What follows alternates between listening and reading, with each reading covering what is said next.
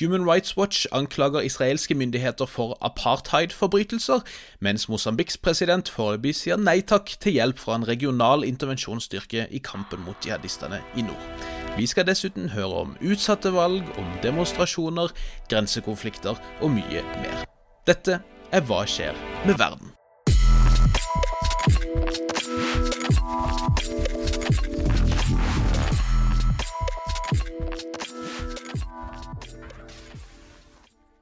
Hei og hjertelig velkommen til en ny episode av podkasten Hva skjer med verden?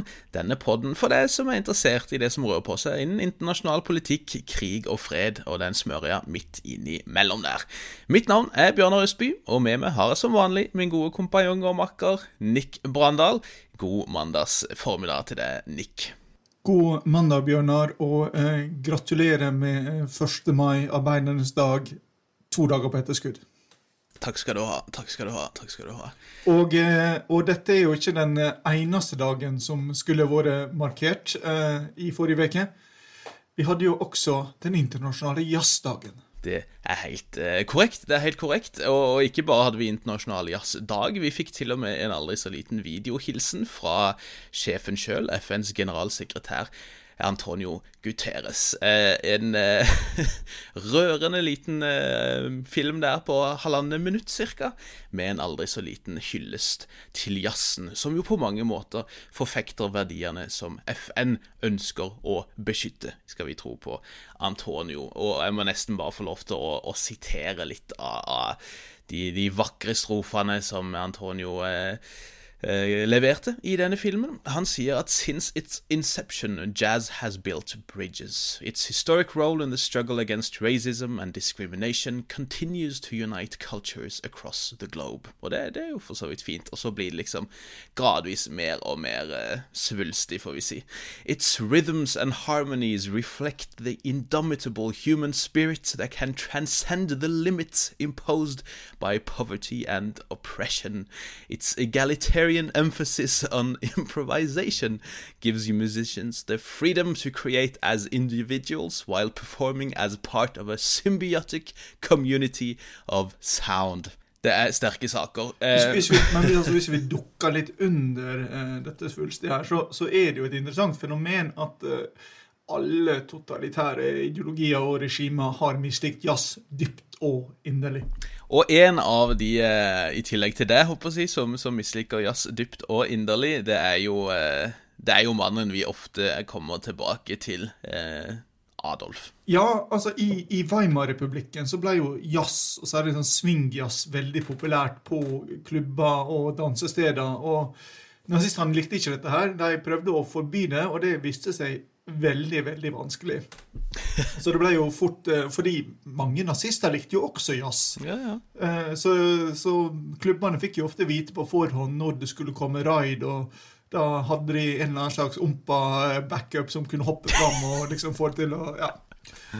Men eh, i avdelinga for Hitler så kom det jo ei aldri så lita eh, nyhet i eh, forrige uke. Nemlig at Mohammed bin Salman, en av våre faste, faste gjester, holdt jeg på å si, eh, har eh, gått litt tilbake på uh, utsagna han kom med i 2018. Mm. Da mente han nemlig at uh, Irans leder Khamenei fikk Hitler til å se bra ut i sammenligning. I forrige uke så uh, sa han at Iran er et naboland som vi ønsker skal vokse og utvikle seg. Vakkert. Eh, Vakkert. Så, så, så, kan vi jo Vi kunne gått langt inn på uh, spekulere på årsaker til dette skiftet i, i synet på Khamenei og, og Iran, men uh, generelt i den offentlige debatten så er såkalt re, færre reductio ad Hitlerum, altså hitling, som det også blir kalt, generelt et framskritt. Det, det, får vi si, det får vi si. Jeg har forstått at, at det er litt sånn litt sånn rift opp i lederskapet der i Iran. Han Khamenei er visst ikke så happy med utenriksminister Zarif og noe greier, tror jeg. Men, men det er mer om det siden, kanskje. Ja, vi kan jo bare ta kortversjonen av det der. Uh, utenriksministeren uh, ga et langt intervju som av en eller annen grunn ikke skulle bli offentlig kjent, der han kritiserte revolusjonsgarden. Nei. Ja, Det gjør seg jo ikke. Så han måtte jo gå ut og be om unnskyldning for det. da. Så kan du lure på hvorfor du lar deg intervjue i var det seks timer eller noe sånt av en journalist, hvis du ikke vil at det skal bli offentlig kjent. Men vel, vel. Når vi, når vi, er inne på, på liksom eh, dårlige andre verdenskrigs-analogier, så registrerer jeg jo at eh, Japan og Tyskland sier at de nå ønsker å styrke sitt militære og teknologiske samarbeid for å kontre den kinesiske trusselen. Så eh, det kan jo se ut som eh, gutta samler bandet nok eh, nok en gang her. Så får vi bare være veldig obs på eventuelle Eh, ikke-angrepspakter mellom Merkel og Putin her også i tiden som eh, kommer. Og så har vi jo hatt ei helg der eh, fotball ikke akkurat har virka samlende, men snarere splittende. Men det ser ut som det ikke er alle politiske ledere som har gitt opp håp om at idrett kan føre til forbrødring. Alt er ikke mørkt, heldig, heldigvis. Vi har jo flere, flere, statlige ledere som har vært eh, ivrige fotballentusiaster. Eh, Deriblant den avdøde tidligere burundiske presidenten Pierre Nkurunziza og den sittende liberianske presidenten uh, uh, Weah, som jo var en stor spiller i sin tid, og som fortsatt, fortsatt spiller, selv om det er anklager også om rigging selv av disse fotballkampene. Men den lille skal vi si gladnyheten den kommer fra Uganda, hvor det ugandiske forsvaret har invitert mediekorpset eh, Kanskje invitert i anførselstegn, hvem vet, eh, til eh, en aldri så liten fotballkamp for å bedre forholdet dem imellom. Eh, sånn overfladisk sett så kan jo dette virke som litt sånn ålreit, hyggelig gest. Etter, eh, hvis jeg skal dømme etter liksom, responsen jeg har sett på sosiale medier fra ugandere, så virker det jo som at dette er et ganske dårlig forsøk på liksom eh, ja, nærmest tvinge media til å skrive mer positivt om Forsvaret. da. Men, eh, men eh, det kan så være. UPDF, da, dette militæret i Uganda, de, de gikk inn i helgas kamp i en 4-1-3-2-formasjon, eller eventuelt en 4-diamant-2, litt avhengig av hvordan du tolker den oppstillinga. Eh, seks generalmajorer stilte til start, to brigadegeneraler, to generalløytnanter, og så var jo så klart generalen sjøl, da, David Mohuzi, som ikke bare spiss, men som kaptein, naturligvis. Um, og i den forbindelse så, så, kan det jo friste litt, Nick, eh, nå som dere først har sklidd ut såpass mye her, å lansere en aldri, aldri, så liten sånn startelver. Kall det en militær startelver, kall det en, en diktator-startelver. Eh, kall det hva du vil. Eh, hva, hva tror du om det? Skal vi, skal vi, driste oss ut på det, selv om det kan, kan bli litt umusikalsk, kanskje? Ja, vi gjør det. Vi gjør det. OK. Jeg har, eh, jeg har fått på plass de fleste, fleste, i troppen. Jeg mangler eh, en midtstopper, en høyreback og en keeper, så jeg håper du kan hjelpe der. Men, eh, men, hvis vi starter på topp, da, som tankspiss, så er det jo ingen ringere enn Osama bin Laden som må, må starte der. Han er jo, for det hørt, var riktignok, eh, høy rundt to meter høy, visstnok. Han har jo vist seg veldig god til å lure seg unna Forsvaret, og han er farlig i luften, hvis det er lov å si. Så han må jo så klart lede angrepsrekka, tenker jeg. Og så kan vi ha en eh, Djengis Khan som supersub, kjent for å være lynrask, offensiv, svært effektiv. Så, så han kan vi ha i bakhånd. Men bin Laden starter som spiss. Ute på venstrevingen så trenger vi å ha en, en eh, mobil og hardt arbeidende spiller, og da blir de så klart Che Guevara som må ut Eh, ut på den kanten der. Jeg ser for meg at vi går ut i en 4-1-4-1-formasjon her, så det betyr at vi har tre Vi har tre spillere som eh, mangler i den eh, midtbanen der, og, og da foreslår jeg rett og slett å få på plass en liten ganske kreativ, veldig offensiv trio, eh, som liksom kan legge litt til rette for angrep, angrep eh, Bilan, egentlig, i front. Og den trioen det blir jo da naturligvis Dick Cheney, Paul Wolfowitz og Donald Rumsfelt. De er jo eh, kreative, veldig offensive, og også vet vi at de, de, er gode på å legge til rette for at bin Laden og, og angripere som han kan, kan få herje fra fronten. Og med en så offensiv oppstilling, så er vi jo nødt til å ha litt mer defensive fibre eh, bak der. Eh, og hva er vel bedre da enn en ultradefensiv venstreback? Og mannen til den jobben har jeg tenkt det må være den tidligere albanske lederen Enver Hoksha. En mann som var så defensiv at han fikk bygga 173 371 bunkere da han regjerte i landet, som, som betyr da ca. 5,7 bunkere per kvadratkilometer i gjennomsnitt. Midtstopperplass. Litt usikker, men jeg tenker jo at vi trenger en sånn god gammel prøyssisk hærfører, så mitt forslag der har vært Otto von eh, Bismarck. En, en god prøyser i forsvarsrekka kan alle trenge, og han er jo liksom en sånn hardtslående no nonsense-type spiller som, som, kan forene forsvarsrekka, har jeg tenkt da. Og da gjenstår det jo en midtstopper, en høyreback og en keeper. Har du forslag? Altså, Keeper er nok den vanskeligste her. Eh, men midtstopper, der tenker jeg jo med en gang at vi trenger en no nonsense, beinbrytende, udisiplinert italiener. ja, riktig. Jeg sa ikke Marco Materazzi, men eh, det kan dere vel tenke, og da blir det jo Mussolini. Det blir jo det, of course. eh, høyreback her, eh, så tenker jeg at vi, vi, trenger en som er kjapp, eh, men også disiplinert og eh, tilpasningsdyktig. Ja. Så, så, jeg endte med Adolf Eichmann. Ja. ja. Det, det, det, tenker jeg. Du trenger en som bare kan gjøre det han blir fortalt. Og, og, med en, en felles tysker i, i, rekka der, så bør jo det gå veldig fint.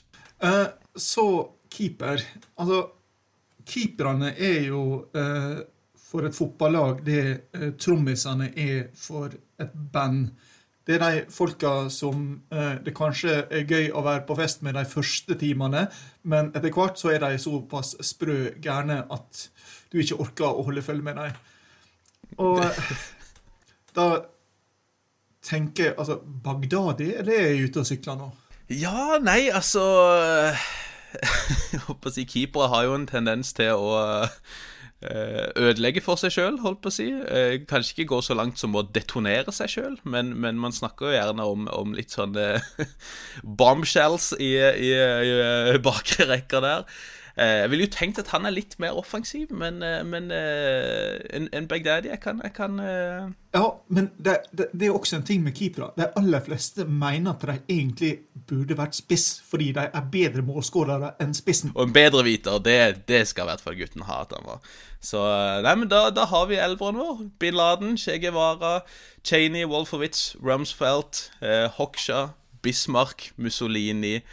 Eichmann og, eh, og eh, Abu Bakar al-Baghdadi bakerst der. Eh, og med det så har vi surra vekk nesten et kvarter av denne podkasten, så da er det på tide å ta en liten roundup.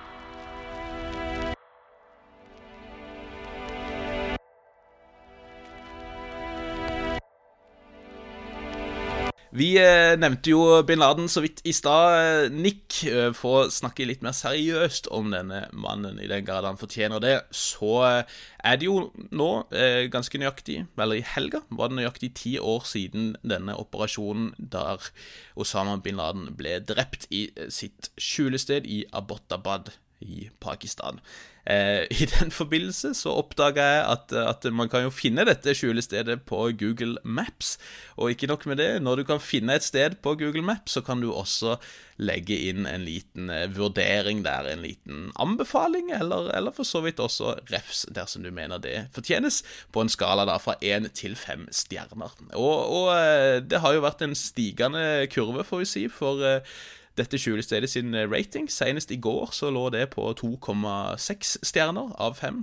I dag var det oppe på hele 3,7. Det er riktignok bare ni personer som har vært inne og rata dette, men én kunne melde om at det var en supert Airbnb-stay med helikoptertransport både til og eh, fra eh, den tomta, da. Men uansett, ti år har gått, og det har vel ikke akkurat blitt mindre terrorisme etter eh, at denne mannen avgikk ved døden. Snarere tvert imot, får vi si. Selv om det ikke nødvendigvis er Al Qaida akkurat som på en måte har stått i bresjen som liksom vanguarden til internasjonal terrorisme det siste tiåret. Den organisasjonen har jo blitt noe mer marginal, altså hvis vi tenker på det sentrale lederskapet under Ayman al-Zawahiri, mens andre organisasjoner som IS har vokst til langt sterkere, før også de har gått på en smell. Men noen som har greid å stå eh, nokså støtt gjennom hele dette her, det er jo Taliban-Nick. Og, og, vi kan jo ta bitte litt eh, oppdateringer fra Afghanistan, gitt at 1. mai egentlig var fristen for internasjonal uttrekning fra dette landet dersom de vestlige maktene hadde forholdt seg til avtalen med Taliban. Ja, det, dette var jo datoen som Trump satte for å trekke seg ut. Og så har Biden flytta den til eh, en mer symboltung dato litt seinere i høst, som vi skal komme tilbake til i denne podkasten. Og Taliban har jo gitt beskjed om at de, de ville markere denne dagen. Mm. Og eh, hvem som sto bak, vet vi fortsatt ikke. Taliban har ikke tatt på seg ansvaret, men vi hadde en, flere bombeangrep i Afghanistan i helga. Mm. Eh, det var jo da eh, et av de første angrepene med dødelig utfall mot eh, amerikanske baser. De var bestemt mot en moské på Bagram-basen, der to ble drept og 18 ble såra. Dette, dette var visstnok i den delen av basen der fengselet ligger. Så det var ikke inne på den, liksom, den operative militære delen av basen, men, men like fullt så var det jo en symbolsk betydning for uh, de som sto bak, hvis det var Taliban. Mm. Så hadde vi i Lugar-provinsen ei bilbombe som drepte 24 stykker. De fleste av dem var studenter som skulle ta en studieforberedende eksamen, altså kvalifisere for å komme inn på universitetsstudier. Og i byen Pul i Alam så ble 110 personer skada i et angrep mot et gjestehus, der vi ikke vet om noen som var drepte, men eh, åtte blir beskrevet som kritisk skadd, og det var stort sett kvinner og barn som, eh, som ble offer her. Det, det, sirkulerte jo også noen statements som så ut som de var falske, på, på Twitter, eh, der Taliban da visstnok eh, på en måte mana til angrep mot internasjonale styrker nå siden fristen på en måte formelt har gått ut. Men det, så vidt jeg kan se, så virker det som de var fake. kan godt hende at de har blitt forfalska for den saks skyld av myndighetene sjøl. Det har vært mye sånn fram og tilbake med propaganda for å prøve å sverte motparten. Men, eh, men det, det, viser jo bare nok en gang at voldsnivået er fryktelig høyt i Afghanistan, og, og at det ikke nødvendigvis trenger å avta etter en, en vestlig exit heller. Eh, vi snakka mye om Tsjad forrige uke, og siste nytt derfra er jo at det nå har brutt ut eh, Brutt ut, heter det. Eh, demonstrasjoner mot dette nye militærstyret. Eh, Foreløpig så er det blitt meldt om seks eller syv eh, sivile som har blitt drept i disse demonstrasjonene. Primært da har dette vært i hovedstaden, men også i andre deler av landet. Og eh, FN-kilder meldte at noe sånt som 700 sivile visstnok skal ha blitt arrestert i demonstrasjonene mot dette nye militære rådet som skal styre skuta. Frankrike har jo faktisk eh, tatt seg sammen litt, utrolig nok, og skifta litt holdning, der de sist uke gikk ut nærmest liksom betingelsesløst på eh, militærrådets side og sa at ingen skal få lov til å true Tsjads sikkerhet, og, og, at de på en måte støtta det som i praksis var et kupp, så har Macron nå i en tale sammen med Kongos president Tshisekedi, som basically stjal et valg sjøl, gått ut og forlanga at nå må Tsjad eh, overgis et sivilt overgangsstyre. Militæret må ut, et sivilt styre må inn, og i løpet av 18 måneder så må det avholdes et valg. Um, når det gjelder kuppmakerne sjøl, dette militære rådet som ledes av den avdøde presidenten Idris Debys sønn, Mahamat Deby, så har det militære rådet basically gått for den samme løsninga som vi så med kuppet i Mali i fjor uh, på sensommeren, der et militært råd da setter inn en sivil statsminister eh, for å prøve å liksom eh, berolige internasjonale partnere, for å vise at liksom, her er det en intensjon om å overgi dette til et sivilt styre etter hvert.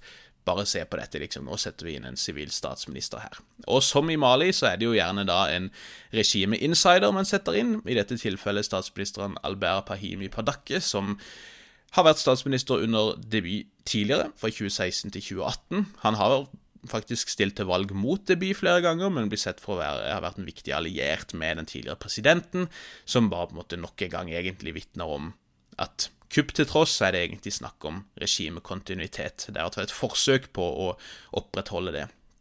Eh, av det jeg kan se liksom av reaksjoner som internasjonal presse har meldt om, og på sosiale medier, sånn, så virker det jo som mye av opposisjonen ser rett gjennom dette her, og mener at det bare er et liksom, ganske patetisk forsøk på å prøve å liksom, gi et militært styre en sivil rapping, når alle vet at det er militæret som egentlig styrer. Flere sier at de kommer ikke til å akseptere at, at liksom Tsjad blir til et monarki og et dynasti. Eh, men samtidig så er det også andre røster som, som, tror at denne statsministeren på en måte har nok gravitas til å kanskje da faktisk kunne samle de forskjellige politiske leirene i landet og, og inngå en slags dialog om hvordan landet skal se ut på sikt. Så eh, litt Noen positive eller optimistiske takes, i hvert fall. Eh, men enn så lenge så, så er det vel ikke veldig mye å juble over. Lite å juble over, kan vi også si det situasjonen er når vi går til Mosambik. Eh, vi har jo stadig vekk vendt tilbake til disse jihadistene som herjer i provinsen Cabo Delgado, helt nordøst i landet, på grensa til Tanzania. Disse jihadistene som eh, kalles Al Shabaab lokalt, selv om de ikke har noe med Al Shabaab å gjøre i Somalia. Eh, de kalles av og til IS i Mosambik, de kalles av og til Alo Sunna al-Jihad, eller Ansar al-Sunna, du kan kalle dem hva du vil. Det letteste er bare å kalle de jihadistene i Mosambik. Um, og de har jo vært aktive i denne regionen siden 2017. Fryktelig voldelige. Flere tusen mennesker har mista livet. Flere titalls tusen har vært på flukt.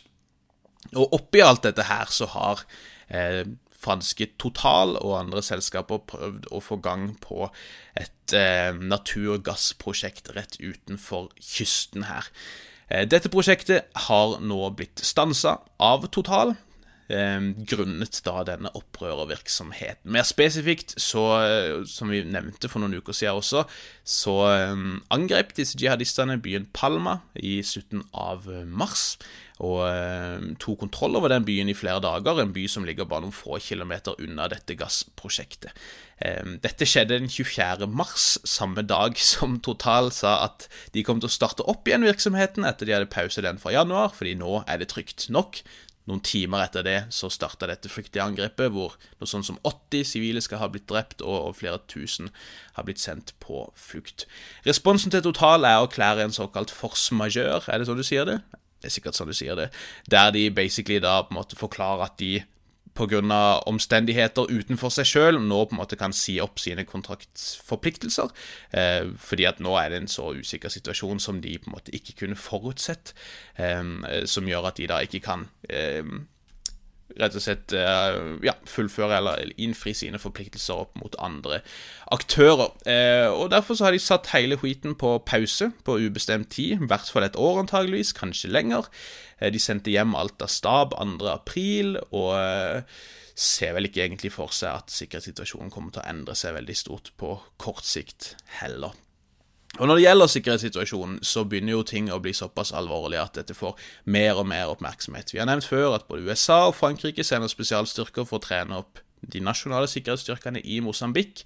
Uka som var, så var det en delegasjon fra Southern African Development Community, eller SADC, en sånn regional organisasjon, som besøkte Mosambik for å utforske mulighetene for potensielt da militær assistanse i kampen mot disse opprørerne. Og I forbindelse med dette møtet så ble det lekka eh, noen rapporter som antyda at militære tjenestefolk fra flere av disse medlemslandene anbefalte å sende inn en regional eh, intervensjonsstyrke på ca. 3000 soldater. Eh, det skulle man tatt en avgjørelse på eh, sist uke, midten av uka. Men det møtet der vi skulle avgjort dette, har blitt utsatt på ubestemt tid. Den offisielle grunnen til det er at flere av lederne som skulle vært med, må holde seg hjemme. Eh, Botswanas president måtte holde seg hjemme fordi han er i koronakarantene. Og eh, Sør-Afrikas president måtte holde seg hjemme fordi han skulle i noe eh, rettssaksprosedyrer, et eller annet. Det er mye korrupsjonsanklager og greier til høyre og venstre der. Så det var rett og slett en krasj i kalenderen. Og offisielt da så er liksom det som er årsaken til at det ikke ble et møte, Mindre offisielt så antar jo alle at grunnen til at det utsettes, er fordi at det er en konflikt mellom spesielt av Mosambiks president Philip Nyusi og Zimbabwes president Emerson Mnangagwa, der sistnevnte da visstnok er den største pådriveren for en regional intervensjon. Han skal visstnok foreslå da å sende inn en robust såkalt regional intervensjonsstyrke med mandat da til å bruke offensiv makt mot opprørende, noe som Mosambiks president visstnok ikke ønsker. Og det kan man jo lure på liksom, Hvorfor vil de ikke det? Hvorfor vil de ikke motta hjelp mot det som ser ut som det er en stor nasjonal krise? Vel, det er litt forskjellige årsaker også der. Offisielt så er forklaringa at man er bekymra for at en regional intervensjon kan gjøre en nasjonal krise til en regional krise. Man er bekymra for hva det kan gjøre for nasjonal suverenitet. Man er bekymra for at man kan tiltrekke fremmedkrigere. Um, men Zimbabwe da argumenterer egentlig akkurat samme, på akkurat det samme grunnlaget og sier at hvis vi ikke griper inn, så kommer vi nettopp til å få en slik regional krise. Um, Uoffisielt så, så, tror man jo at det, grunnen til dette er at president Newsy i Mosambik ikke ønsker hjelp fordi han hele tida har prøvd å si at dette opprøret handler ikke egentlig om forholdet i Mosambik. Det er ikke lokalt forankra, dette er transnasjonale jihadister som prøver å slå eh, rot i Mosambik. Dette handler ikke egentlig om oss, ikke sant. Og så frykter man at hvis en intervensjonsstyrke kommer inn, så forstår man at det er ganske naturlige årsaker til at et opprør har starta i Nord-Mosambik, en region som har vært mer eller mindre fullstendig neglisjert av sentralstaten i, i mange, mange år. Så enn så lenge så står de på stedet hvil. Nyosi har ikke tatt imot noe internasjonal eh, hjelp, annet enn disse eh, liksom rådgiverne fra USA og Frankrike. Han har jo brukt både russiske og sørafrikanske leiesoldater uten noe særlig hell. Eh, og så får vi se om Zimbabwe eh, når frem da med sitt forslag om å bruke mer liksom air og, og gå enda mer hardhendt til verks. Eh, det er jo også en del sånn regional eh, konkurranse i dette her. Jeg tror mange ikke tenker på liksom eh, afrikanske stater som stater i Europa eller i Vesten eller andre steder, men det er jo mye regional konkurranse, naturligvis, også på de traktene. Og det høres ut som både Sør-Afrika og Botswana er litt redd for at Zimbabwe plutselig skal liksom seile opp som en viktigere regional spiller enn det de har fått lov til å være til nå. Uansett så sitter man jo egentlig igjen med det samme problemet som man har i Sahel-beltet, i Irak, i Afghanistan, i Tsjad, i Kongo og andre steder, at den internasjonale løsninga, eller i hvert fall forslagene til å løse ting, er stort sett bare å pumpe inn militær støtte og økonomisk støtte til staten det er snakk om, og til dens sikkerhetsstyrker, når nettopp disse, både staten og sikkerhetsstyrkene, deres eh, vannstyre, deres korrupsjon, deres eh, menneskerettighetsbrudd, er mye av årsaken til at det er opprør i disse statene i første omgang. da. Løsninga ender egentlig ofte opp med å bare forsterke problemet, og, og, det kan se ut som det vil bli tilfellet også i Mosambik. Fra Afrika til eh, hjemligere trakter, får vi si. Til Russland og EU. Siste nytt der, Nick? Ja, Vi har jo rapportert veldig mye om sanksjoner mot Russland, og nå kan vi omsider også rapportere om sanksjoner fra Russland stort. Det, Russland innførte eh, innreiseforbud for åtte eh, EU-borgere på fredag. Og Dette inkluderte da EU-parlamentets president David Sassoli, EU-kommisjonens president Vera Jourova og Berlin sin sjefsanklager Jørg Raupak. Kan jo lure på hvorfor statsadvokaten i Berlin skal være på en sånn liste, men eh, det går nok tilbake til hovedgrunnen til det som har skapt denne konflikten, nemlig forgiftninga av eh, Navalny med Novisjok. Mm. Eh, fordi Russland eh, krevde at tysk politi eller tysk påtalemakt måtte samarbeide om etterforskninga. Og de ville bl.a. ha forhørsnotater. Og det sa Tyskland nei til, og da havna Rapak på lista. Og Der står han sammen med Europarådets spesialrapportør for Navalny-saken saka. Og vi fikk også en liten nordisk vinkling her, eh, da Åsa Scott fra det svenske Totalforsvarets forskningsinstitutt havna på lista. Det var jo de som eh, bekrefta at gifta faktisk var Novisjok eh, tilbake i september. Så Ikke sant. Så russisk UD var jo klare da på hva dette handla om, nemlig at EU forsøker å påtvinge verden en ensidig, regelbasert verdensorden. Som, eh, det høres jo forferdelig ut. ja, det er grusomt. Og det er jo det er åpenbart, som eh, Russland hevder, et brudd med internasjonal lov. Det er en trussel mot russisk uavhengighet og et uttrykk for antirussisk hysteri. Av litt mer sånn, eh, skal vi si, perifere nyheter, som vi kan nevne kjapt, så har det jo vært litt eh, grensetrefninger rundt omkring. Faktisk så har vi hatt eh, regelrette kamper, får vi si, mellom styrker i Tadsjikistan og Kirgisistan. Eh, på grensa der. Eh, så vidt jeg har forstått, så er liksom eh, nesten en tredjedel av grensa mellom de to landene, hvis ikke det var to tredjedeler, omdiskutert. Det er en del som rett og slett ikke er avklart, og man har flere sånne tadsjikiske enklaver inne i Kirgisistan. Og det er da rundt en av disse enklavene, kalt Voruk, eller kanskje Vorur, jeg vet ikke, som, der, det, der det rett og slett brøyt ut kamper på torsdag. Eh, verste kampene på mange år. Det er fortsatt ganske uklart hva på en måte utfallet har vært, sånn rent når det gjelder tap. Det er blitt meldt om 31 soldater som har blitt drept. Det tror jeg egentlig er kun på Kirgisistans side, der man har hørt tall.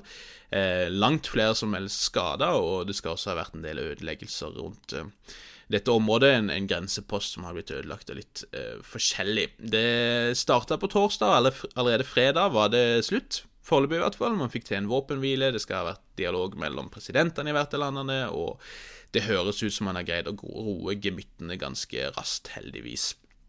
Også på grensa mellom Venezuela og Colombia har det vært trefninger. Det er jo ikke i og for seg noe nytt, kanskje, men, men eh, i flere dager så har det vært trefninger mellom styrker i Venezuela da, og det som bare kalles for colombianske opprørsgrupper. Litt uklart hvem det er, men, men det antas, så vidt jeg ser, i hvert fall blant de som kan noe om dette her, at det er eh, FARC-dissidenter, såkalt. FARC var jo opprørsgruppe som holdt på i flere tiår i Colombia. I 2016 fikk man til endelig en fredsavtale, men så er det jo da noen eh, medlemmer, tidligere medlemmer kan jeg si, av FARC og ledere som har hoppa av og liksom starta sin militærvirksomhet på nytt som sånne FARC-dissidenter. Og det høres ut som det er disse som har vært i kamper med venezuelanske styrker. Der, sist jeg så, har det vært meldt om åtte drepte. Eh, enda langt flere flyktninger. Det var vel snakk om flere tusen, hvis ikke flere titalls tusen flyktninger. Det har jo lenge vært egentlig en sånn fluktkrise rett på grensa der. Og, og det blir jo ikke noe bedre av, eh, av dette her, naturligvis. Et land vi stadig kommer tilbake til, og som vi skal komme tilbake til desto mer, det er Myanmar. Eh, og vi har jo ikke snakka så mye om det akkurat de siste par ukene, kanskje, men situasjonen i Myanmar er jo fortsatt fryktelig alvorlig, Nick. Eh, hva er siste nytt fra den kanten? På fredag så la FNs spesialutsending for Myanmar, Kristin Schraner Burkener, eh, fram en rapport til Sikkerhetsrådet med en analyse av situasjonen. Og eh, den vi, Hva hun nøyaktig sa, vet vi ikke, men eh, en sånn oppsummering ble gitt til tysk presse, så vi vet i hvert fall hovedpunktene. Og eh, En analyse var at kuppet har samla befolkninga mot kuppmakerne, til tross for ganske sterk undertrykkelse. Altså, Rapporter sier jo at over 700 har blitt drept og minst 4500 fengsla. Eh, denne motstanden på tvers av forskjellige etniske og sosiale grupper i befolkninga har gjort det vanskelig for militæret å konsolidere makta og dermed utøve et effektivt styre. Eh, og dette skaper samtidig da eh, en kritisk situasjon på flere områder. Altså det er snakk om 20 000 internt fordrevet, 10 000 som har flykta til nabolandet, og, og fare for at 3,4 millioner kan bli ramma av sult dersom ikke situasjonen løser seg og man får på plass et, et fungerende styre i, i Myanmar. Og Verdensbanken har jo estimert at økonomien vil falle med 10% i 2021. Og, og det er altså det som før kuppet var en av de hurtigst voksende økonomiene i Asia. Det, det, er jo sett på som et veldig lovende marked. Eh, og eh, det er jo en av grunnene til at Telenor har vært tungt inne her, blant annet. Mm. Det vil vi nok kanskje komme tilbake til eh, i en spesialpodkast eh, om ikke så altfor lenge. Eh, men ja, eh, det meste som kan gå gale, ser ut nå til å gå gale i Myanmar. Og det hadde jo desto mer underlig hvorfor militæret har valgt å gjøre dette her, gitt at de allerede calla shotsa på mange måter, men nå har greid å forene en veldig heterogen befolkning mot seg, da. Men, men, som du sier, mer om det i en episode snart, og det, det kan vi snakke om helt til slutt i podkasten. Så har du skrevet i kjøreplanen her 'Politikk og merkelige sengekamerater', episode 9456. Eh, fortell. Ja, Vi har jo lenge snakka om oss imellom at situasjonen i Øst-Middelhavet burde vært sett nærmere på. Eh, vi har ennå ikke rukket å få gjort det skikkelig, men det, det, vil vi komme tilbake til. Vi har jo kollegaer som, som kan dette her. Mm. Men, men, inntil videre så skjedde det, har jo skjedd en interessant utvikling egentlig over lengre tid, men den har satt fart nå den siste måneden. Og det er at Israel og Hellas har begynt å nærme seg hverandre. Mm. Eh, kortversjonen er at eh, Israel vil ha et eh, brohode inn i EU, som kan argumentere for deres synspunkt. Og Hellas vil ha en regional, regional partner mot Tyrkia. I april så undertegna de en militær samarbeidsavtale som er verdt opptil 1,3 milliarder euro. Eh, der, som bl.a. inkluderer at Israel oppdaterer teknologien på flyvåpenbasen i Kalamata sør på Peloponneshalvøya. Eh, og Planen er da at denne basen skal kunne brukes av det som Hellas kaller regionale partnere i Midtøsten og Nord-Afrika. Og de har da fått den samme simuleringsteknologien som det israelske luftvåpenet bruker. Eh, og For begge disse to partene så er jo dette her da en strategisk allianse som skal komme i tillegg til å utdype uh, det forholdet begge to har til, til USA. Uh, og de har sammen med USA deltatt i felles flyvåpenøvelser i Middelhavet, der også Emiratene har, har deltatt. Hm. Og dette henger jo blir også sett i sammenheng med at den amerikanske marina har oppgradert tilstedeværelsen sin på Kypros. Der da eh, USS Herschel Williams har fått fast base i Sodabukta på, på Nord-Kypros. Eh, som igjen blir sett på som et svar på at Tyrkia kjøpte det russiske S-400-rakettsystemet.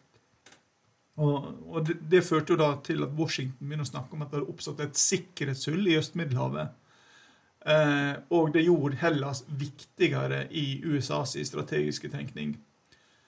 Så har vi også sett at Israels forhold til Tyrkia har blitt forverra. Dette var ganske godt inntil for ja, iallfall ti år siden. Eh, og de hadde jo også felles eh, luftvern, eller luftøvelser. Eh, dette handler om Tyrkia sin holdning til situasjonen i Gaza, og at eh, de har stengt tyrkisk luftrom for israelske jagerfly. Og svaret fra Israel har altså vært å nærme seg Hellas. Mm. Dette, dette, er jo ikke uproblematisk. Altså, det er ganske mye handel mellom Israel og Tyrkia. Det er ikke så veldig mye mellom Hellas og Israel. Energiforsyninga til Israel kommer fra Kaukasus gjennom Tyrkia. Og de har jo hatt en felles fiende i Hezbollah. Og ikke minst i Assad i Syria, hvor de er liksom to av de regionale maktene som virkelig har eh, ja, rett, regelrett bombardert det syriske militæret, for å si det sånn. Så eh, det Israel først og fremst får ut av å nærme seg Hellas, eh, er jo å bygge Ved siden av liksom å bygge en, en allianse i, i regionen, så, så, er det rett og slett å ha en påvirkningsagent inn i EU, og det har Israel vært helt klare på. De har en forventning om at Hellas vil snakke Tyrkias sak i de interne diskusjonene om Palestina og den generelle situasjonen der. Eh, så er det jo spørsmål om hva Hellas skal få ut av dette. her. Vel, de får også da en strategisk partner mot Tyrkia, i tillegg til å få tilgang til militærteknologi som er cutting edge. Og Det er jo særlig det å kunne svare på det tyrkiske droneforsvaret, eh, som vi har sett i senere år er ganske effektivt og billig. Mm. mm. Jeg så et tall nå på at man, hvor mange droner det var man kunne få for ett eh, F-35-jagerfly. Det, det, det, var mange, altså. Uh. Eh, så, og, og, og, det er jo interessant da at i Israel så har det vært tverrpolitisk e, Nei, i Israel i Hellas har det vært tverrpolitisk enighet om denne tilnærminga. Eh, det startet under sosialdemokraten Papandreou i 2010 og har blitt videreført av alle regjeringer etterpå, inkludert den nåværende sentrum-venstre-regjeringa til Syriza, som i utgangspunktet var heller kritiske til Israel. Eh, og det ligger jo inn i dette her planer om å etablere energiforsyning, altså et felles nettverk mellom Israel, Kypros og Hellas, der særlig energiforsyninga på, på, Kypros eller, har, har, vært veldig ustabil. Særlig om sommeren, når alle slår på airconditioner. Det er fascinerende. altså Det er fascinerende også hvor på kryss og tvers en del av disse her eh, ordningene går. Bare sånn som Aserbajdsjan i krigen mot uh, Armenia brukte jo både tyrkiske og israelske droner, eller israelske såkalte selvmordsdroner, til, til stor effekt. da, Og det, det, virker jo som nettopp Tyrkia og Israel begynner å seile opp som noen av de virkelig store spillerne i det markedet der. Og, og for Hellas så er det jo da ganske åpenbart hvem man kan og vil samarbeide med, og ikke vil samarbeide med. Så det er fascinerende, og ikke minst da Emiratene også, som roter seg opp i det aller meste for tida, men som gjerne går litt sånn under radaren. Så dette må vi følge, på, eh, følge med på videre, og det skal handle litt mer faktisk om nettopp Israel når vi kommer til vår siste temabolk.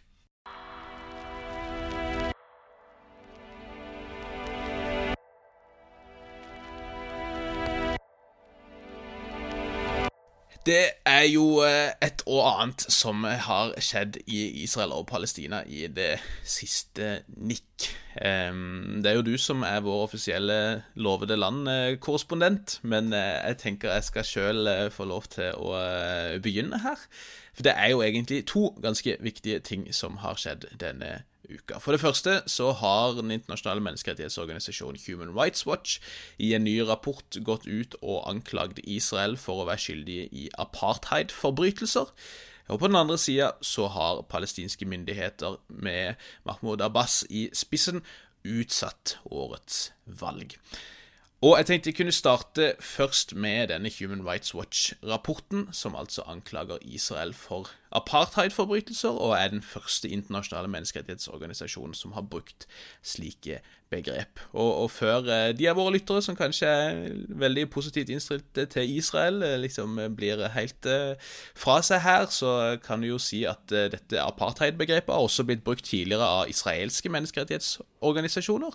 Um, så det er jo lov å ikke alltid være mer pro-israelsk enn israelskere selv er, kanskje.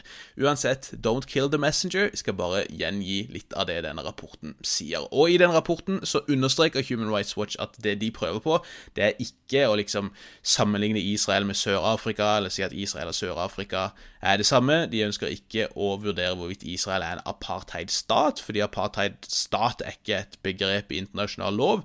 Det de ønsker å undersøke, og det de har undersøkt over lengre tid, det er hvorvidt Israel, eh, israelske myndigheter har gjort seg skyldige i apartheidforbrytelser, slik de er definert under internasjonal lov. Og Human Rights Watch finner da at Israel har vært skyldig i slike forbrytelser. Um, bare for å ta det, da. Apartheidforbrytelser det er definert juridisk to steder. Uh, først i Den internasjonale konvensjonen om apartheidkriminalitet fra 1973, og siden i Roma-statuttene fra 1998, som da la grunnlaget for ICC, den internasjonale straffedomstolen. Det er tre sentrale elementer, basically, eh, som, eh, som, ligger til grunn for den juridiske forståelsen av apartheid som en forbrytelse mot menneskeheten. For det første så skal det foreligge en intensjon fra en rasemessig gruppe om å dominere en annen rasemessig gruppe. Rase det fungerer så dårlig på norsk, men det er liksom race, racial group, som, som brukes på engelsk. da. Så en intensjon fra ei gruppe om å undertrykke en annen. Eh, det skal være systematisk undertrykkelse. Unnskyld, en intensjon om å dominere. Det skal være en systematisk undertrykkelse fra én slik gruppe over en annen. Og så må det også da foregå én eller flere såkalte umenneskelige handlinger som blir eh, utført på en utbredt eller systematisk måte. Og slike umenneskelige handlinger inkluderer forbrytelser som eh, tvangsforflytning av en befolkning, som ekspropriering av land og eiendommer fra en del av befolkninga, opprettelse av gettoer, fratakelsen av retten til å forlate eller returnere til sitt land, og også fratakelse av retten til en nasjonalitet. Og Human Rights Watch finner da at israelske myndigheter, den israelske staten, har gjort seg skyldig i flere slike forbrytelser. De påpeker da først i, i denne rapporten at det per dags dato, liksom mellom mellom Middelhavet og Jordanelva, i dette området vi kaller for Israel og Palestina, så bor det nå nokså nøyaktig 6,8 millioner jøder og nokså nøyaktig 6,8 millioner palestinere. Men de aller fleste lever i praksis under israelsk kontroll, enten i Israel proper eller i såkalt okkuperte palestinske territorier. Men selv om de fleste lever under den samme kontrollen formelt sett, eller i praksis, rettere sagt, så forskjellsbehandles den ene gruppa ganske eh, så systematisk, eh, ifølge Human Rights Watch, og mange med de også skal sies. Og jeg kan jo på en måte bare sitere en sånn oppsummering fra, fra Human Rights Watch som går på liksom hva de har funnet.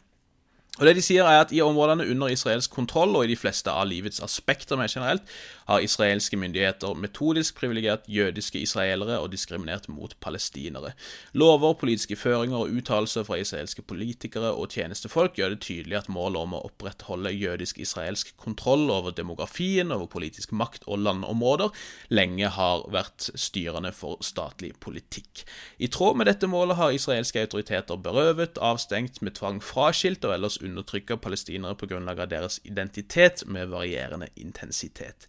I visse områder har disse berøvelsene vært så alvorlige at de utgjør forbrytelsene mot menneskeheten kalt apartheid på den ene sida, og forfølgelse på den andre. Og Da viser de jo til en, en lang rekke ting. Eh, dere kan gå inn og lese rapporten sjøl. Vi har ikke tid til å gå inn på alt dette, det får vi gjøre i en annen spesialepisode eventuelt, men man nevner jo F.eks. at det er en ganske generell trend hvor man forsøker å integrere jøder på okkuperte territorier og separere palestinere. Um, og det har jo vært masse forskning som viser også det at disse bosetningene plasseres veldig strategisk for å hindre at, um, at man kan i praksis etablere en palestinsk stat, fordi den vil bli så splitta opp. Det handler mye om um, rettigheter til å det er altså bevegelsesfrihet, rett og slett, hvor jøder har langt større bevegelsesfrihet, eller altså israelske borgere har langt større bevegelsesfrihet enn palestinere som lever under israelsk kontroll på okkuperte områder. Eh, det er nok av tilfeller på områder som eksproprieres, på tvangsforflytning, på ulovlig bosetning etter internasjonal lov osv. Og, så og summen av alt dette her, mener Human Rights Watch, gjør at eh, Israel har gjort seg skyldig da i eh, apartheid-forbrytelser. Ja, det er jo eh, Altså, den israelske responsen var jo ganske forutsigbar. Den avviser jo alle beskyldningene og sier at dette handler jo om sikkerhet, som vi vel kan innrømme ikke er tatt helt ut av løse lufta. Eh, men samtidig så, så kjører de jo den der med at vi, vi er ikke Sør-Afrika. Og det er jo her rapporten utpeker seg ved å være systematisk juridisk eh, argumentasjon som nettopp ikke tar disse sammenligningene som, som, du allerede har vært inne på. Men altså er veldig klar på at her er det en forbrytelse i internasjonal lov mm. som vi tar som utgangspunkt. Og så ser vi på fakta på bakken, slik vi kan samle inn. Og sett i sammenheng så er vår konklusjon at mm. dette her tilsvarer den forbrytelsen. Ja. Det er, det er, langt mindre polemisk, for å si det sånn, enn mange andre sånn typiske uttalelser, gjerne på ytre venstre, om at Israel er en apartheidstat, liksom. Eh, og, og, som de sier eksplisitt, poenget her er ikke å si at Israel er en apartheidstat, og det hadde ikke vært noe poeng å si det uansett, fordi det er ikke noen formell juridisk definisjon av hva en apartheidstat er i det hele tatt. Eh, så, så man sikter seg inn på en kategori av forbrytelser, egentlig, og, og, og hevder da å kunne identifisere disse, rett og slett. Um, så sånn sett, ja, enig langt mer si, saklig enn en mye annet. Um, de, de, påpeker jo også dette her med at palestinske myndigheter er en del av uh, Romerstatuttene, sånn at de er Og det har jo Den internasjonale straffedomstolen også sagt, som vi har sagt tidligere, eh, at ICC har jurisdiksjon på palestinske områder under israelsk eh, kontroll. I tillegg så er også Palestina eh, en del av den De har ratifisert denne apartheid-konvensjonen også. Så, så det, det, foreligger jo på en måte på papiret i hvert fall muligheter for å gå en, en, en rettslig gang her, da, dersom dersom situasjonen ellers skulle tillate det. Og Det bør jo også understrekes at rapporten skiller veldig tydelig mellom forskjellige områder. Ja. Altså Å si at det, dette er ikke et system som fungerer likt i det du kan si innenfor staten Israel, altså grensene fra 1948 eller 1967, eller hva du vil si. Uh, altså det, det, er først og fremst på de okkuperte områdene der ja. dette er mest synlig. Ja, ja. Ja, og før folk sier 'ja, men hva med palestinske myndigheter' og sånt, så er det sånn Ja, det, det, er masse man kan si om de, men det er ikke det det handler om nå. og det kan vi ta en annen gang, for så vidt. Men vi skal snakke litt om de likevel, Nick. Fordi der det har vært si, altfor mange valg i senere år i Israel Jeg har glemt hvor mange omvalg det har vært. Jeg tror det er tre eller fire, eller noe sånt. Fire. Eh, fire. Eh, mens problemet i Palestina har vel gjerne vært at det er altfor sjeldent valg. Og nå skulle det jo egentlig vært valg veldig snart, men det har blitt utsatt, så vidt jeg har forstått. Ja, det var vel 22. mai det, det skulle blitt uh, holdt. Uh, men nå har presidenten, Abbas, nok en gang suspendert og utsatt det. Og den ja. offisielle begrunnelsen er at det er ikke mulig å gjennomføre valget i Øst-Jerusalem fordi Israel nekter dem å bruke postkontorer som valglokale, slik som Oslo-avtalen har lagt opp til. Mm. Eh, så er ikke dette noe nytt, og det fantes praktiske løsninger rundt dette. her, F.eks. at eh, palestinerne i Øst-Jerusalem kunne stemme på FN-kontor. Ja. Så eh, da får vi vel gå til fra den offisielle begrunnelsen til den reelle begrunnelsen, nemlig at dette handler om internpolitikk eh, på de palestinske territoriene. Mm. Eh, for, på den ene sida så, så, handler det om at Abbas prøver å få på plass ei samlingsregjering med Hamas, som skal gi et bredere grunnlag.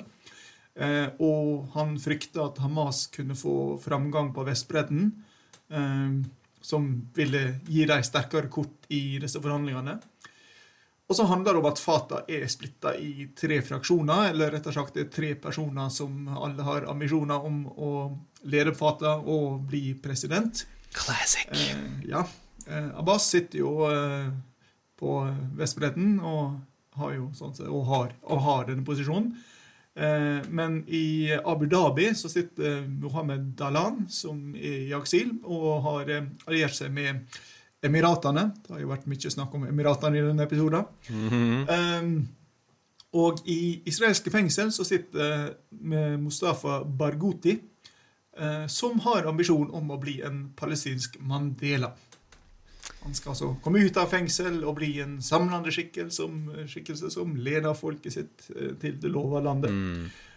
Og Det er jo særlig Barghoti som er et problem for Abbas, fordi han ligger på meningsmålinga klart foran Abbas. Ja. Og han var jo kjapt ute og kritiserte utsettelsen. Ikke bare kritiserte, han sa at den var ulovlig, og at Abbas har mista all legitimitet for minst ti år siden. Mm. det er jo interessant at det har vært mindre kritikk fra Hamas. De sa at nei, vi syns ikke egentlig at man burde utsette dette her, men de samtidig sa at de, de er villige til å begynne å forhandle med Abbas om ei samlingsregjering. Interessant. Ja, så, så, all is not well, for å si det sånn, in the holy land and its environs. Um, Nei, og det ser jo ikke bedre ut i Israel, egentlig. Mm, mm, mm. Uh, Netanyahu uh, sitter jo fortsatt med ei regjering uten flertall i Knesset, og har nekta å gå av uh, etter at nok et valg ga et ikke-resultat. Og på tirsdag så brøt han samarbeidsavtalen med Benny Gantz, eh, koalisjonspartneren i den gamle forrige regjeringa, eh, og utnevnte lojalisten Ofir Akunis som justisminister. Eh, Gantz har jo vært justisminister og har jeg, brukt det departementet til å sette sitt, sitt Det er jo der han har hatt makt og, og myndighet mm. i samarbeidsregjeringa med Netanyahu. Dette ble jo internt i Israel sett på som et forsøk på å gripe inn i eh, den pågående rettsprosessen mot Netanyahu. Få på plass en eh, lojalist og sørge for å gjøre den så vanskelig som eh, mulig. De er jo inne i vitneavhøra i den nå. Den går jo ved sida av. Og utnevnelsen endte jo da opp i Høyesterett, der regjeringa interessant nok ikke ble forsvart av riksadvokaten Avichai Madelbit som var mot utnevnelsen, mente den var lovstridig, men av Netanyahu sin personlige advokat. Høres dette ut som eh, noe vi har sett i USA det siste året? Ja, egentlig. Um, så så ga de, altså Han tapte i Høyesterett, men allerede før Høyesterett sa dette, her, så uh, ga Netanyahu seg og, og utnevnte Gans uh, som justisminister på nytt. Mm. Uh, og det blir jo da spekulert i at for Netanyahu så handler dette egentlig mest om politikk og propaganda. Han hadde ikke tenkt å få denne justisministeren på plass, men han ville løfte fram domstolene som en fiende. Altså, Han kan nå argumentere for, som han har gjort lenge, at domstolene er aktivistiske og de er venstreorienterte. Og dette gir han da to, eller altså, dette har to funksjoner for Netanyahu. På den ene sida så kan han delegitimere rettsvesenet i den rettsprosessen han nå er inne i, og der han ligger an til å bli dømt for korrupsjon, mm. hvis ikke han klarer å få stoppa den. Og på den andre siden så gjør han det vanskeligere for småpartier på ytre høyre å gå inn i en allianse mot Likud i Knesset, der flere av dem kan, har sett ut til å være litt på glid. Det, det, det, det, er ikke så mange som er glad i Netanyahu lenger. Det, så det er jo sånn splitt og hersk som er hans mulighet til å bli værende. Mm. Og det var jo interessant da, kommentaren til presidenten i Revilé, Revelin Eller Revlé? Revelin? Jeg kan ikke. No idea. Nei, altså, han sa jo at uh, han sa, eh, vi har i lengre tid nå levd under en illusjon om at vi har en konstitusjonelt fungerende stat. Mm. Og uh, ja, veien peker jo rett mot det femte nyvalget til høsten. Eh, og fram til da så vil Netanyahu bli sittende. Og Riksadvokaten er på utgående, så Netanyahu vil dermed få mulighet til å utnevne sin foretrukne kandidat som riksadvokat, som ventelig vil være litt mer sympatisk innstilt eh, til Netanyahu. Og eh, hvordan det vil påvirke korrupsjonsrettssaker, kan bli interessant.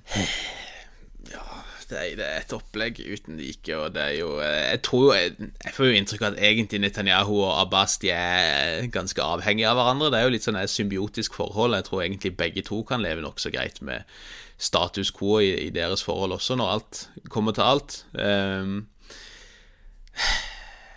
så er det jo som vi har snakka om oss imellom også, det er jo sørgelig hele skiten, bare. Palestinere har ingen venner, Israel har jo ikke egentlig mange venner heller når det kommer til stykket. Det er jo ganske opportunistiske forhold, og, og for å gjenta det, som dere ser, det er mye kritikk mot israelske myndigheter fra israelere selv, både i politikken, i pressen, i menneskerettighetsorganisasjoner også. Ehm, så, så det er ikke bare de som står utenfor, for å si det sånn, som kan kritisere den eh, ja, ganske hardt mot høyre-regjeringa som Netanyahu har stått i spissen for i veldig lang tid nå. Med det så eh, får vi gå inn for en landing, men vi kan opplyse om at vi kommer med en eh, spesialepisode veldig snart. Vi sikter på å få den ut på fredag. Eh, som vi tisa litt tidligere, så skal vi ha en spesialepisode som skal handle om Myanmar, men som også skal handle om Etiopia. For vi har jo snakka en god del om disse to eh, casene og de ganske fæle utviklingene som har vært der i løpet av det halvannet året som vi har drevet med denne podkasten. Og det som er veldig slående, er at det faktisk er ganske mange likhetstrekk mellom disse to statene og de forferdelige overgrepene mot sivile som har vært der de siste årene. For begge statene har gått gjennom prosesser som virker å være veldig lovende. Demokratiske prosesser, nye ledere, to ledere som har mottatt fredsprisen på forskjellige tidspunkt, eh, mye lovord fra internasjonalt hold, økonomisk vekst, og så går det to år i begge tilfeller, og så står landet oppe i det som kan defineres som et folkemord mot etniske, eh, etniske minoriteter, potensielt. For å hjelpe oss med å forstå litt av hva som foregår i disse landene, og for å se på en del av de interessante eh, likhetstrekkene, så skal vi få med oss professor Kjetil Tronvold her fra Bjørknes høgskole, som er en ledende ekspert på det som skjer i Etiopia. Og vi skal få med oss doktor Ellen Stensrud, som er forsker på HL-senteret, og som har stor kunnskap om situasjonen i Myanmar. Der vi da kommer til å fokusere på overgrepene mot rohingya-minoriteten der. Så uh, tune inn igjen på fredag. Det tror jeg kommer til å bli veldig, veldig interessant. Annet enn det så får vi si uh, takk for følget. Lik og del og følg og alt det greiene der. Vi er jo slaver av algoritmene som alle andre, så anbefalinger er jo veldig hyggelig dersom man kan legge inn noen stjerner og skrive noen ord, men ikke noe press, altså. Tusen takk for i dag, Nick. Sjøl takk, Bjørnar. Takk for oss. Vi snakkes igjen veldig snart.